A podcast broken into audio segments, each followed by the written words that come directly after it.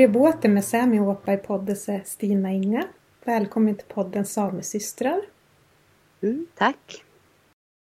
Vill du börja med att berätta vem du är, var du kommer ifrån och lite sånt? Mm, jag är... Uh, nu vet jag inte hur gammal jag är, 45, 46, kanske 47 år. kommer från Kiruna. Är uppfödd i en traditionell renskötarfamilj med, med en pappa som har arbetat med renar och mamma som är uppfödd i en renskötarfamilj. Mammas släkt är tvångsförflyttade från Karesuando. De flyttade på 40-talet och pappas släkt har alltid hållit till i trakterna kring, kring Kiruna. Mm. Och jag är... Eh, jag har en stora syster och jag har en lillebror. Och sen har jag två barn och två syskonbarn. Och en jättestor släkt på pappas sida. Ungefär lika stor på mammas sida som jag inte har så jag har kontakt med dem men det är på pappas sida som jag har mest kontakt med släkten. Mm. Mm. Och jag arbetar sedan 20-21 år tillbaka som sjuksköterska. Har jobbat med vuxna, med, med palliativa patienter i hemmet och har jobbat med, med barn i tio år. Nu jobbar jag på en akutmottagning. Mm. Och sen skriver jag och jag syr och jag försöker leva. Ja, just det. Vi ska prata om mäns våld mot kvinnor. Eh, vilket jag skulle nog vilja klassificera som en av de största tabun som finns i det samiska samhället. Eh, vi pratar inte om det. Eh, vi vet att det finns där. Och vi vet att det pågår. Du har levt i en relation där du har varit utsatt för våld. Vill du berätta om det? Själva relationen vill jag inte gå in på utan jag har levt i en relation som har varit våldsam. Men rent generellt så har jag som inga, inga problem om att, om att berätta om våld rent allmänt. För jag har en utbildning också i det som mm. jag tog i terapeutiskt syfte och, och dels för att kunna hjälpa de människorna jag möter genom mitt jobb. Och för att sprida kunskap om våld också. För vi pratar ju, precis som du säger, så pratar vi ju inte om det. Och det, det gör man ju inte i det majoritetssamhället heller. Jag mm. tror vi är mer tyst bland oss samer än vad, vi är, än vad storsamhället är. Mm. Vad tror du att det beror på? Har du någon teori? Eh, jag tänker mycket beror på mycket beror på den här tystnaden är att vi har varit utsatt för ett strukturellt våld av staten. Och samtidigt så, och då vill man ju som inte visa sin, sin svaghet inför, alltså man vill inte göra den här stigmatiseringen. Men sen tror jag också rent, rent generellt så har vi ett, ett mer grupp, ett samhälle som är mer gruppbaserat än individbaserat. Alltså att gruppen är viktigare än individen. Mm på ett sätt för överlevnaden. Men det är ju samhället, alltså det samiska renskötarsamhället har ju också förändrats. Mm. Så det är ju inte samma, det är inte samma behov av den här grupptillhörigheten heller. Och sen är det ju alla sådana här slutna samhällen, små samhällen som ett renskötarsamhälle är ju ett, ett litet samhälle i en i en, i en liten... Mm. Alltså det är ett mikrosamhälle i ett, ett mindre samhälle.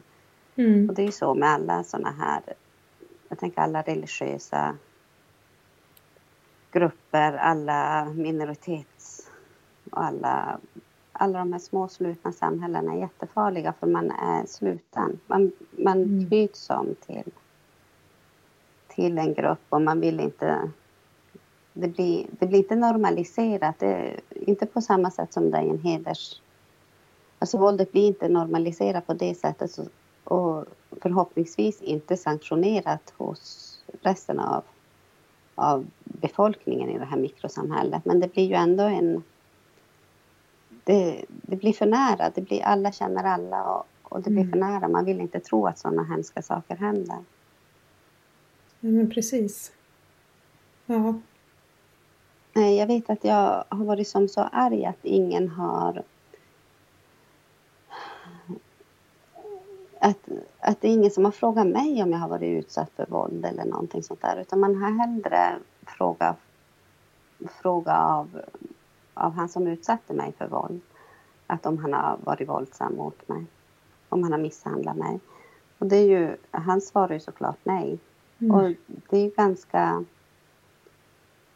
det är jättesvårt när man går från en sån relation så är det svårt att säga att ja, men jag blev utsatt för våld. För ofta vet man inte riktigt om det själv och man är så inne i, i den våldsamma processen. Samtidigt så, så har de ju, jag tänker att nu har väl den ilskan lagt sig lite. De har ju i alla fall frågat men de har ju frågat fel person. Och det är ju lätt, det är bekvämt att fråga för då får man ett nekande svar. Mm. Och då då behöver man inte ruckas i sin egen bekvämlighetszon. Då, har man ju alla, då kan man ju gömma sig bak i att ja, men jag har i alla fall frågat. Vilka är de? De som har funnits runt mig. Mm. Som, som jag trodde skulle utgöra ett stöd för mig. Som jag trodde skulle finnas för mig. Mm. Inte, inte på det sättet som man förväntar sig att sina att sin närmaste familj och sina vänner ska finnas för en. Utan som bara omgivningen helt enkelt. De man förväntar sig skulle finnas och bemöta mig som vanligt. Jag vill inte bli bemött som en våldsutsatt om man skulle tycka synd om mig. Men i alla fall bemöta mig som en människa och bekräfta. För den här tystnaden gör ju att det blir ju aldrig... Man får ju aldrig en bekräftelse att det faktiskt är så hemskt som det som det har varit. Mm. Ja, det där är intressant. Men varför det blir så där? Ser du någon skillnad mellan kvinnor och män, hur de bemöter dig? Mm, det gör jag ju också. Jag ser ju en viss skillnad i... i det är ju lättare att... Det är ju lättare Alltså män har ju den där, man behöver inte hålla på och prata om känslor. Man ska inte behöva, då behöver man inte, då kan man bara säga tjena hur är det? Medan kvinnorna, kvinnorna tar ju direkt ställning för någonting. Mm. Och i det här fallet var det ju så att, att det blev ju, det är ju jättevanligt när man, att den våldsutövande i förhållandet, och det är ju oftast en man, anklagar kvinnan falskt för en massa saker och hotar med en massa saker innan, speciellt innan, innan kvinnan lämnar mannen. Så, så blir det ju så att de hittar gärna på en massa saker och anklagar och hotar med olika saker. Och i mitt fall var det ju... De trodde ju mer på honom då, hans berättelse. Och då blir det ju, kvinnor är väldigt dåliga på att stötta varandra ibland. Sen finns det ju kvinnor som, som verkligen har stöttat och trott på mig också. Mm. Men jag tror att, att det svek jag, jag förväntar mig faktiskt som kvinna att en kvinna skulle stötta mig. Varenda kvinna skulle stötta mig. Det var väl det jag förväntade mig och sen blev jag väl mest besviken på att, att de inte gjorde det. Mm. Såklart. Ja. Så det är också en sån där, det är också en sån där syn man har, eller dum syn, dum syn jag har själv, att kvinnor ska stötta mig mer. Att det en förväntning på att de ska vara mer sensitiva och mer förstående. Mm. Kan det vara så att eh, rent kollektivt, eh, förutom de som har stöttat, att, ehm, att de själva kanske sitt vad, vad, kan det, handla om att man inte stöttar som kvinna. Har man själv en position som kanske är svår eller att, att man inte törs eller att vi lever i ett patriarkat, det är bara så. Eh, och jag tänker inom en sameby så har ju kvinnan då tyvärr lägre status och att om man tänker att det, det man törs inte som kvinna inom en sameby kanske. Jag bara pratar så här generellt om mina vad jag tänker kring det. Men att, att man inte törs ta ställning för att man är gift själv med en man. Jag vet inte. Jag har som... Nej men jag har, det har jag ju jättesvårt för just den där... Eh, jag har så svårt för det där att man inte törs. att man ja, inte törs ta ställning. Så jag kan som inte tänka mig in i det. Mm. Men jag, det vad jag vet det är ju att det är jätte, jätteviktigt för det är jätte, jätteviktigt för den som är utsatt för någonting att bli trodd. Mm. Det ska inte behövas, alltså alla händelser, allt som har hänt, alla... Alltså det är ju inte bara, för det går ju inte att beskriva våld på det sättet att när man, det heter ju våld i nära relation. Det går inte att beskriva det med ett ord eller en händelse utan det är så många olika händelser. Och ska man sitta och berätta om det så kan det ju ta flera dagar. För det kommer ju upp hela tiden saker och det, det är ju inte, det är inte en engångsföreteelse utan det är mm. systematiskt. Mm. Och det bryter ju ner en. Mm. Och det blir svårt att beskriva det också. Det är nästan som att, att rent allmänt så kräver folk att ja, men du måste kunna bevisa att det har hänt. Mm. Ja, men hur? Vad ska jag bevisa? Hur ska jag bevisa alla hot? Hur ska man bevisa Alltså blir man slagen så får man ju ett blåmärke. Mm. Men det finns ju så många andra typer av våld.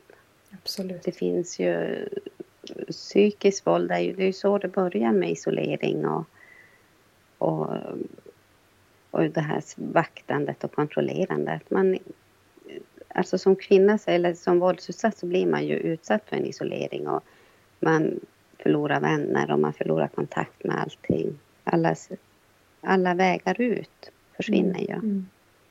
Och då är det ju så jätteviktigt att ha en väg tillbaka om man ska om man ska kunna, alltså för att fly måste man ju ha någonstans att fly. Och det vet ju, det vet ju den våldsutövande mannen också om. För han vet ju att bromsar jag vägarna så, så har han ingenstans att ta vägen. Då måste hon stanna bara för att mm. behålla kontrollen. Och det händer ju inte, alltså det är så svårt att beskriva våldet också för det är ju inte hela tiden. Jag menar, och det börjar ju inte med ett slag direkt. Utan det, det pågår ju sådana där perioder när det är bra men det följer ju som en, en, en våldscykel heter det. Mm. Det börjar med en sån där spännings inne hos en spänning börjar byggas upp hos mannen och sen till slut så exploderar det. Sen blir det lugnt ett tag. Och sen börjar det byggas upp igen. Mm. Så det finns ju så många olika, olika saker som är... Och sen när man, jag tänker som renskötande kvinna, alltså inte renskötande, men en kvinna inom rennäringen har ju jätte... Det blir ju som dubbelt bunden. Han har ju ännu ett hot och, och det är ju att ta ifrån renarna. Det är inte bara mm. pengarna som, mm som ingår i ekonomiskt våld, alltså mot kvinnor. Då kan man ju, männen kan ju hindra dem från att utbilda sig, ta jobb, stanna hemma, ta lönen. Men är man inom rennäringen så kan man ju bli hotad med att bli fråntagen renarna, renmärket, vart ska du ta vägen Exakt. när du lämnar honom? Mm. Uh, och det blir ju som en... Det är ju ett hot mot identiteten mm. också. För då blir man ju fråntagen sin identitet. Mm. Alltså våldet följer ju samma mönster men det blir ju oavsett etnicitet men det kommer ju in andra aspekter som också är viktiga att ha kunskap om och veta om. Mm. Ja, verkligen. Jag tänk, tänkte på det du sa, det här med att det börjar ju som inte med, med börjar inte med ett slag utan det, det är något som börjar så himla eh, för jag har själv varit i en relation som inte var um, så sund. Och eh, den här personen, han... Det var så snyggt gjort. Han manipulerade mig så snyggt. Så att jag märkte ingenting. Och eh, sen kom jag ur det ganska relativt fort, tack och lov. Och eh, har tänkt på det här uttrycket som jag hör många säga. Som jag själv har sagt när jag var yngre. Att jag kommer aldrig tillåta någon behandla mig si och så. Ett slag och sen går jag och så. Men alltså jag tänker att det är inte så det funkar utan utifrån vad jag själv varit med om så den här manipulationen och hjärntvättningen och isolering som du säger och han har inga vänner kvar och han försökte vända min familj, alltså mig mot min familj och det är så snyggt. Det var så snyggt gjort så jag var helt så här egentligen chockad över att det kan, att det kan hända liksom. För jag anser att jag är, jag är ju ingen sån som blir utsatt för sådana killar liksom. Vad tänker du omkring det här? Men det är ju det, det är så det börjar. Det börjar ju alltid med att man är världens bästa. Mm. Det spelar ju ingen roll. Och går det snabbt så är det ju jättedåligt egentligen. All, alltså sådana här, man flyttar ihop man, och du, han aldrig älskar någon så mycket som, som dig. Och, mm. och sen blir man gradvis isolerad. Och sen det här som man inte tänker på, som jag ofta hör folk nämna åt mig. Jaha men gud, han, att vad snäll han är. Han hämtar henne från jobbet och kör henne till jobbet och väntar på henne utanför krogen. Men det är inte snällt. Mm. Det är ju att vakta. Mm. Det är ju svartsjuka. Det är ju ett, ett sätt att behålla kontrollen och kolla så hon inte så hon inte gör någonting. Mm. Dyker upp på arbetsplatsen, kommer kanske med en bulle till jobbarkompisarna och de tycker bara gud vilken gullig karl du har. Mm. Nej, det är fan inte gulligt. Nej, och det är ju så det börjar och det går ju, mm. det är ju så smygande. Man märker ju som inte det själv. Nej. Och sen helt plötsligt så tänker man, man, ofta så känner man ju inom sig att någonting, att det här stämmer inte, det här är inte bra. Och kompisar som man har haft som, som har funnits där hela tiden för en som kan säga åt en också, ja men du, det här är ju inget bra. Du har blivit förändrad. Mm. Och ändå så fortsätter man. Mm. Alltså det är som inget unikt vare sig för dig eller för mig. Eller... Det är var fjärde svensk kvinna som är utsatt. Oj. Och det är mer samiska kvinnor som är utsatta. Jag tänker urfolkskvinnor generellt, eller? Ja.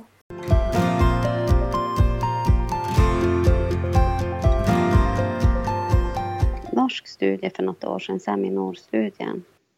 Där, visade, där framkom det ju att, att under sin livstid så under, under sin livstid så hade samiska kvinnor, var det varannan samisk kvinna som var utsatt för någon mm. typ av våld.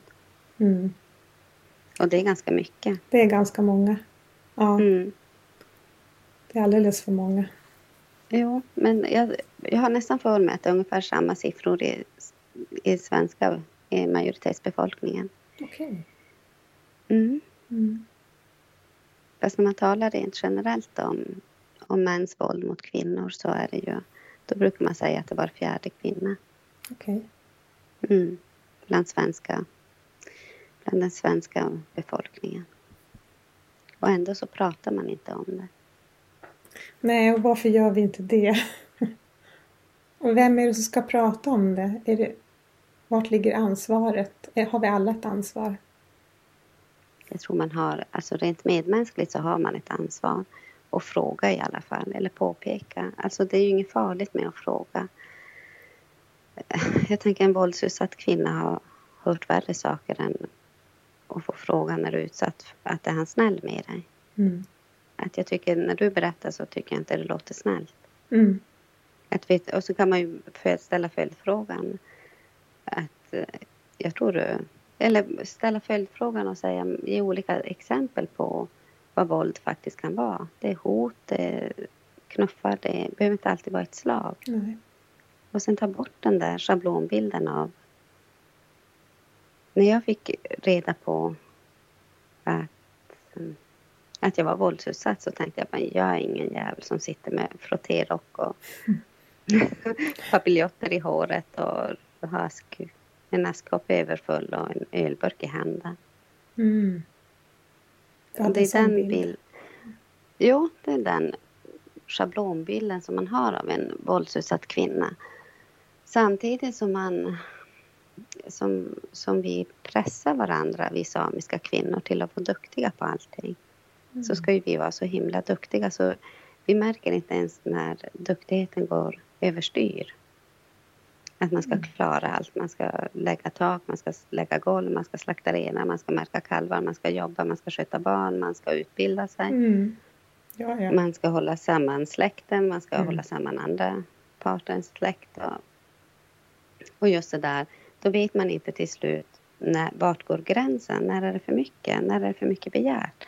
För just, jag tänker just i ett sånt där våldsamt förhållande i den samiska världen så har vi ju vi har så mycket orimliga krav på oss själva, vi kvinnor. Och sen sätter vi samma krav på, på män, eller på våra medsystrar. Mm. Att de, de ska också vara... Jag har inget problem med att, att jobba och ta hand om barn och, och göra alla de där grejerna. Alltså, typ eh, mer manliga jobb, för jag tycker det är kul, för jag behöver det i mitt liv. Alltså jag, jag har som inga problem med att sätta mig och sy heller efter jobbet, för jag tycker det är jättekul. Alltså det är, mig, det är som min terapi. Eller sätta mig och skriva, men det är som inte... Jag kräver ju inte att en annan kvinna ska göra det. Nej. Kommer en kar med hårbröd upp till skogen så tänker inte jag, gud vilken dålig kvinna han har som inte bakar. Men den äldre generationen tar ju gärna upp det och det är ju främst kvinnorna då som tar upp det. Gud vilken dålig kvinna som inte Just har bakat bröd åt honom. Åh, mm. Ja, det där och det lever ju kvar. Ja, och det får man ju över till sina... Och är man redan nedtryckt som kvinna så tror jag att man vill då bevisa, bevisa mer och mer hur i relationen, alltså inte som kvinna generellt, men nedtryckt i relationen så vill man ju då bevisa att man är duktig och då berättar man ju inte om, om hur man har det hemma egentligen. Och den frågan är inte... Jag tänker, det finns ju så mycket hemska saker som man hör som våldsutsatt kvinna. Så att få frågan mm. är ju, det ger ju oss ett val att berätta. Vill vi mm. berätta eller vill vi inte berätta? Mm. Och det kanske är det enda valet vi får någon gång mm. i livet, alltså när man lever i en sån relation. Mm.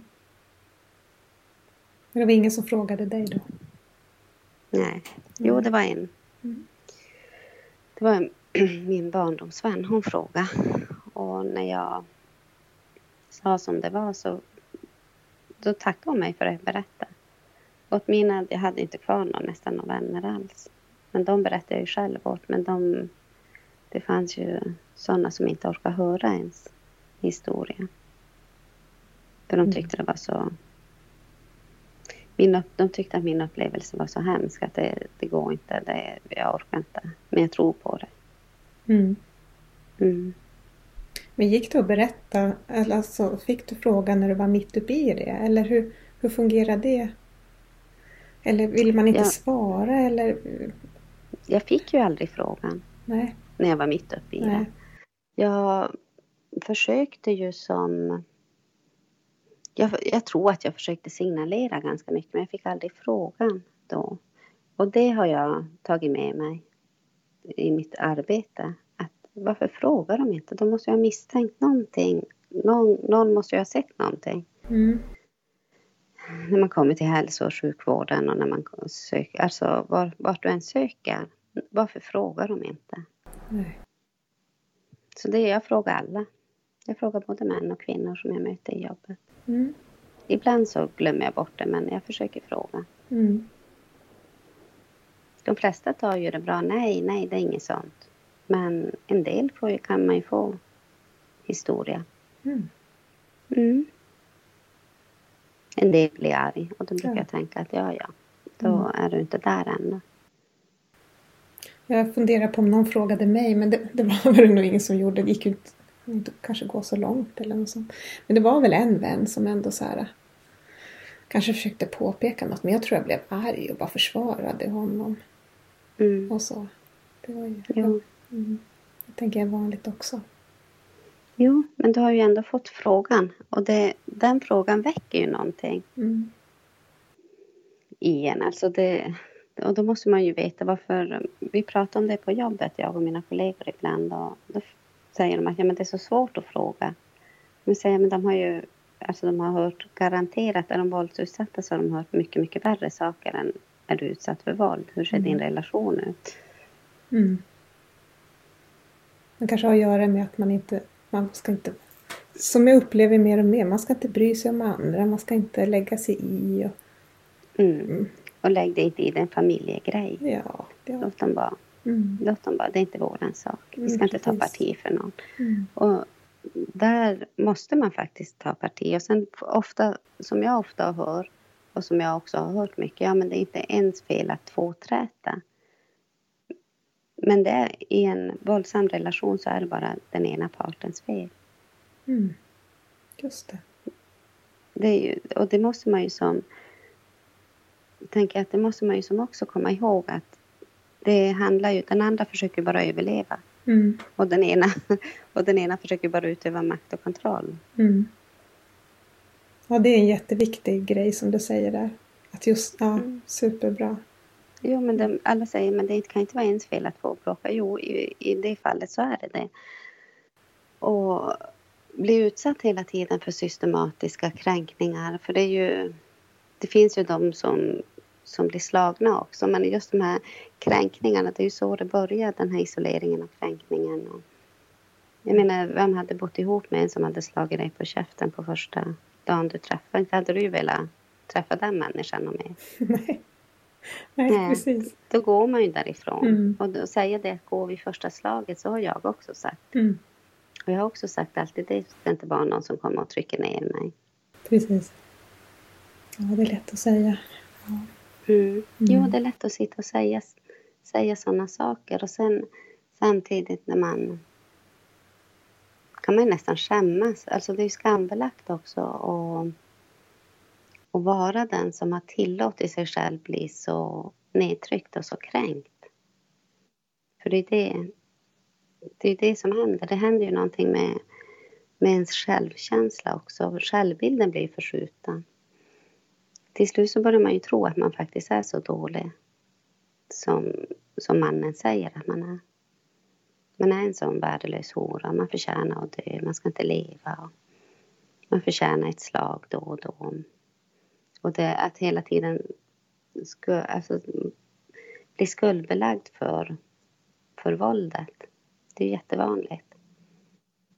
Ofta hör man ju kvinnor säga att det var jag, det var jag som provocerade honom. Jag menar, det, det ger ju, även om man provocerar så ger det ju ingen rätt att slå någon Nej. eller kränka någon. Mm. Vad tänker du? För det här pågår ju idag och, och ehm, i det samiska samhället. Vad, tänk, vad, vad kan vi göra? Eller vad, hur ska vi förändra? Vad kan vi göra? Har du tänkt någonting kring det? Du har ju pratat lite om det också, att ställa frågan och sådana saker. Men, men vad hade du velat se för förändring? Jag hade ju velat...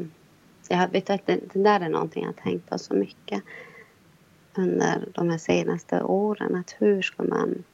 Men jag tänker att i alla fall först våga börja prata om det. Jag har tjatat på alla. Vi måste börja prata om våld mot samiska kvinnor. Vi måste börja. Men någon måste ju börja. Mm. Och vi andra som inte lever i en sån relation måste våga börja fråga. Och våga tro på kvinnan. Sen handlar det ju inte om att ta... Alltså tycker man att det var ju jävla vilken idiot som, som misshandlar sin fru. Eller misshandlar sin partner. Det, man behöver ju inte ta ställning på det sättet om man, inte, om man känner att man inte orkar och har det kuraget. Fast jag hoppas ju att man alla har det civilkuraget att ta, verkligen säga att nej, men det, du är sjuk i huvudet. Men saknar man det civilkuraget så kan man i alla fall visa åt kvinnan att jo, men jag finns här för dig. Jag tror på din berättelse. Mm. Även om man inte ha, alltså stå på barrikaderna på det sättet, men att man faktiskt vågar fråga. För finns det barn i ett förhållande också så är ju de också utsatta. De mm. växer ju också mm. upp i ett alltså, dysfunktionell familj. Mm. Absolut. Men jag tänker också så här. Eh, det samiska samhället. Alltså alla känner alla på ett eller annat sätt. Man kan ju säga så generellt. Um, och släkter och familjer är väldigt tätt sammanflätade och så. Och det måste vara så svårt att vara släkting till en förövare. Och hur ska man, hur ska man förhålla sig till det? Och att man kanske känner skam för att man är släkt. Och att det, det, det är så komplext hela grejen. Det blir så mycket... Det känns som att det blir så mycket svårare när vi lever så tätt sammanflätade för alla parter. Och eh, ett, kanske ute efter någon förklaring till varför um, varför folk inte tar ställning, varför vissa väljer att inte ja, men ta ställning, stötta, från, alltså i hela den biten. Att kan det ligga någon skam i släkt. Jag vet inte, jag tänker högt här igen. Um, bara oavsett liksom vart våldet har utförts, i vilket samhälle, svenskt eller samiskt, så det måste bli som en, en sorg för släkten också på något sätt. Mm, ja, jag tror att det är det. Jag tror att det är mycket det som, som också påverkar. Alltså just det här, precis som du säger. Och jag, jag vet när, när mitt våldsamma förhållande tog slut, när jag väl lämnade, så handlade det ju egentligen inte om att folk skulle ta ställning och hata hata den mannen. Utan då handlar det ju om att bara respektera mig som människa. För mm. jag var ju nedtryckt, hade ju inget värde. Mm. Och det är där man måste som... Alltså arbeta förebyggande mot våld är ju jätte, jättesvårt. Och jag tänker att det är ju inte... Det är ju mer komplext. Alltså, så måste, det är jättesvårt det här med släkter också, men man måste ju se vem det... Det är ju inte en hel släkt det handlar om, det handlar ju om en enskild individ. Och det där är ju lite farligt att gömma sig bak Och samma som att gömma sig bakom det här strukturella våldet.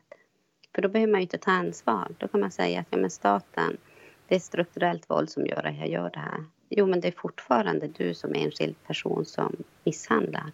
Mm. Och det är samma sak som att säga, ja men de, i den släkten har de alltid varit sådär. Exakt. Ja, men det är, fort, det är fortfarande du som gör det. Mm. Att någonstans den där ansvars, ansvarslösheten, att smita undan ansvaret tycker jag är... Alltså det var ju som inga, jag tänker att det är som inget problem att, att stänga ut en våldsutsatt kvinna från ett samhälle. Det är ju som inte något problem. Då kan man väl stänga ut våldsutövaren istället. Ja, ja precis. Det, om man vänder på det ja, så. Exakt. Det blir som... Mm, det är svår. Alltså jag förstår ju dem. Men jag tänker att hade jag hört någonting om en av mina kusiner, att de har gjort några grova saker eller utsatt någon kvinna för våld eller utsatt barn för våld eller utsatt någon äldre då hade ju jag faktiskt fortfarande, utan den här erfarenheten, så hade jag faktiskt tagit ställning för den utsatta. Ja, men där säger något så viktigt att man ska, vi måste fokusera på den utsatta och inte tänka så mycket på, alltså det är den som behöver stöd. Det är den som behöver ja. stöd. Det är ju det och det, det, spelar ingen roll om det är en man eller en kvinna. Alltså det finns ju män som också är utsatta för våld. Men de behöver ju också, sitt, alltså de behöver också stöd i, i själva... I att få det, för, i att få det bekräftat att det faktiskt har hänt. Mm. Nej, men jag tror på dig. Sen behöver man inte veta allting som har hänt. De har, alltså det ska inte vara något beviskrav. Alltså det är ingen domstol och det behöver inte bli något jävla upplopp att man att man far och jagar den som utövar våld. Utan bara att man faktiskt vågar ta ställning. Och ta ställning be betyder att man kan faktiskt säga hej. Hur är det med dig? Till den som är utsatt. Att hur går det för dig? Att hur har du det? Och speciellt tiden efter man, efter man har lämnat en våldsutövande man så är det ju det är den största tiden också. Som alltså det är den farligaste tiden för kvinnan. Då behöver, behöver hon ju mer stöd också. Det är mm. då de blir mördade. Okej, okay, jag tänkte just mm. fråga varför det är så. Ja. hon sticker ju från kontrollen. Ja, just. Mm. Tiden före, alltså före uppbrottet och efter uppbrottet är, det är den farligaste tiden för en kvinna. Mm. Sen tror jag att det är ganska stort mörkertal av kvinnor som tar livet av sig då. Att det är på grund av våld. För att de fort, fortfarande blir utsatta eller för att de... För att de blir hotade. De, det är ju en enorm press på de kvinnor som faktiskt som faktiskt vågar lämna. Ofta är det ju, ofta är det ju hot om, om husdjur eller barn som gör att kvinnan, eller om sitt eget liv, som gör att kvinnan faktiskt går. Och eh, det tål ju inte en våldsutövare, alltså en, man, en människa som vill ha kontroll över allting tål ju inte att bli lämnad. Just det. Då förlorar man kontrollen. Mm. Och makten och, och makt. kanske mm. någon typ av själv upprätthålla någon självbild eller något. Eller allt blir mm. avslöjat. Och jo, ett nederlag det är ett nederlag att mm. bli lämnad. Mm. Det är ju en vanlig, tänker jag, en vanlig separation är ju jobbig som den är. Mm. Men är det våld som är, då är det, innehåller det ju så mycket mer andra komponenter. Så det är som svårt att greppa hela bilden. Så det är en, det är jätte, det är en jättekomplex situation att leva i en våldsam relation och lämna den. Och sen när man dessutom Alltså, när man dessutom också hotas med att, att frånta sin identitet och sina rötter och allting, det som är vardagen och livet, då blir det ju ännu svårare för en samisk kvinna att lämna. Och man vet ju själv ofta hur snacket går bland, bland befolkningen. Och just det där, jag vet inte om vi har har pratat om det, men jag tänker just på det här. En väldigt generell bild att en kvinna och en man träffas, kanske bägge tillhör en sameby. Eh, det är ju kanske 99 procent kvinnan som måste flytta. Hon flyttar in till mannen, Eh, kapar banden med sin hemby, hemsameby. Det sker någonting i i relationen hon behöver skilja sig av en eller annan grund. Men vart tar man vägen med renarna sen? Alltså, det där tänker jag är så viktigt då för lyssnarna att, att förstå. Eller så här, jag vill gärna försöka förklara just den här kärleken till, som du säger, alltså till renarna, hela den livsstilen, det är en hel identitet. Och det är så mycket på spel. Eh, att tanken på att bara bli av med allting och inte få någon plats, alltså vid skilsmässa då. Hur många kvinnor kan så knacka på dörren till sin gamla sameby och bara Hej, får jag komma tillbaks nu? Så. Eh, det kanske händer, jag vet inte, men, men att Ja, det är så... Mm. Ja, jag vet inte hur jag ska avsluta det, men, men bara att den... den, den ja, nu snurrar jag ihop det totalt här. Nej, det gjorde inte det. Gjorde jag inte det? Nej, det blev bra. För att det, är ju, det finns ju forskning också som de har tagit statistik för något år sedan var vi ju så stolta över att, att det är så få skilsmässor bland samer. Renskötarfamiljer. Okej. Okay. Det har ju varit något, eh, jag kommer inte ihåg, jag tror kanske tio år sedan det kom fram den där statistiken att det är så få som renskötarfamiljer som skiljer sig och kvinnor, då var det framförallt då eh, kvinnor inom rennäringen som tycker som, jag har också varit en av dem som har tänkt att jo men det, och sagt det också, det är ju klart, vi har ju ett familjeföretag och vi, vi behöver ju varandra och vi är jämställda och vi är viktiga inom, inom rennäringen och renskötseln och vi hjälper till och och så mm. är det ju i de flesta. Alltså att det är, en, det är en sund balans. Men samtidigt så så finns ju en hel drös munkarlar som lever på rennäringen också och det funkar för dem utan, alltså som lever inom renskötseln utan att ha en fru, utan att ha barn, utan att ha... Alltså de bedriver ju också en renskötsel. Mm. Så, men jag tror att det där är en jättefarlig fälla för att det är inte många kvinnor som får komma tillbaka till sin gamla sameby. För den platsen är ju kanske då vigd åt någon annan. Mm. Och markerna är så... Det finns inte tillräckligt med marker. Det finns mycket rovdjur. Det exploateringar, det är skogsavverkningar, det är gruvdrift, det är vindkraftsparker. Och ska de komma tillbaka då en en frånskild kvinna så, mm. så får man kanske inte det alla gånger. Mm. Så det blir ju också en sån där... Det, för det, alltså bara den tanken på att inte ha... Att inte få vara välkommen hem. Du får komma hem till din familj och till din släkt är man oftast välkommen. Men i alla fall familjen, kärn, grundfamiljen. Men eh, att komma tillbaka till en sameby är inte alls så självklart. Nej. För då har man ju lämnat. Mm. Ja, men tack för den där med, med, statistiken att, att vi är så stolta att det, ja. det kanske ligger någonting annat bakom det. Jo, att man kanske inte faktiskt... Och sen det här att ja, men vi ses inte så ofta, vi hinner inte bli less. Jo, men visst fan blir man väl ledsen då. Fast man kanske inte ses. Alltså det, det är ju... Mm. jag, jag tror ju mer att, jag har ju trott det, att ja, men det är bra att, att man inte ser så ofta, att man blir inte less på. Alltså vagga, vaggas in i det där. Men sen har jag börjat tänka att det kanske inte alls är så enkelt.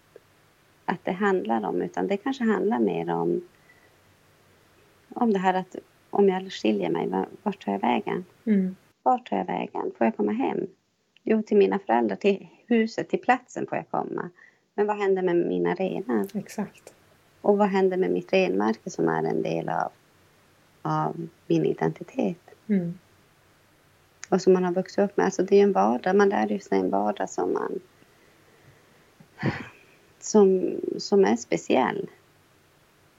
Det är en vardag som styrs av renen, som egentligen styrs av väder och vind. Och det är inte...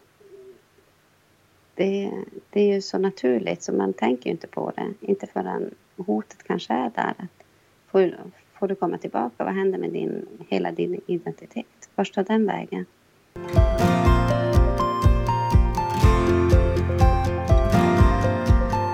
Hur lever du idag?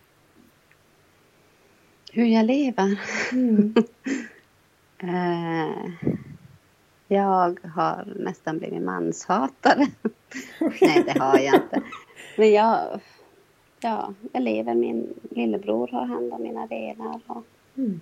Jag har kommit... Alltså det, det, jag har ju barn som, som hör till rennäringen och som vill... Det tar ju... Hur ska man säga att jag lever egentligen? Jag lever... Jag tycker om mitt jobb. Det har som blivit det. Det är jag duktig på. Men jag längtar ju Alltså jag har ju samma längtan som jag hade när jag var 18 år, 15 år, 3 år, 20, 25 år, upp till fjälls varje vår. Mm. Jag hänger ju med i... På vintern så känner jag bara, men gud, det är så jävla kallt uppe i fjälls, nu vill man inte i skogen. Alltså det, det är som inpräntat i min vardag. Alltså det ju, i ryggmärgen har jag ju det. Renens vandringar. När jag kör ner till Luleå brukar jag tänka bara, jaha, och här här är våra gamla betesmarker. Och... Just det. Mm. Mm. När jag ser fjällen på våren så blir jag alldeles varm i kroppen. Man ser en renkalv när de lägger ut på eller när man är själv ute och som man ser, då blir man ju jättevarm och tänker nu börjar det nya året. Mm. Vi ska börja avsluta. Tiden har rullat på.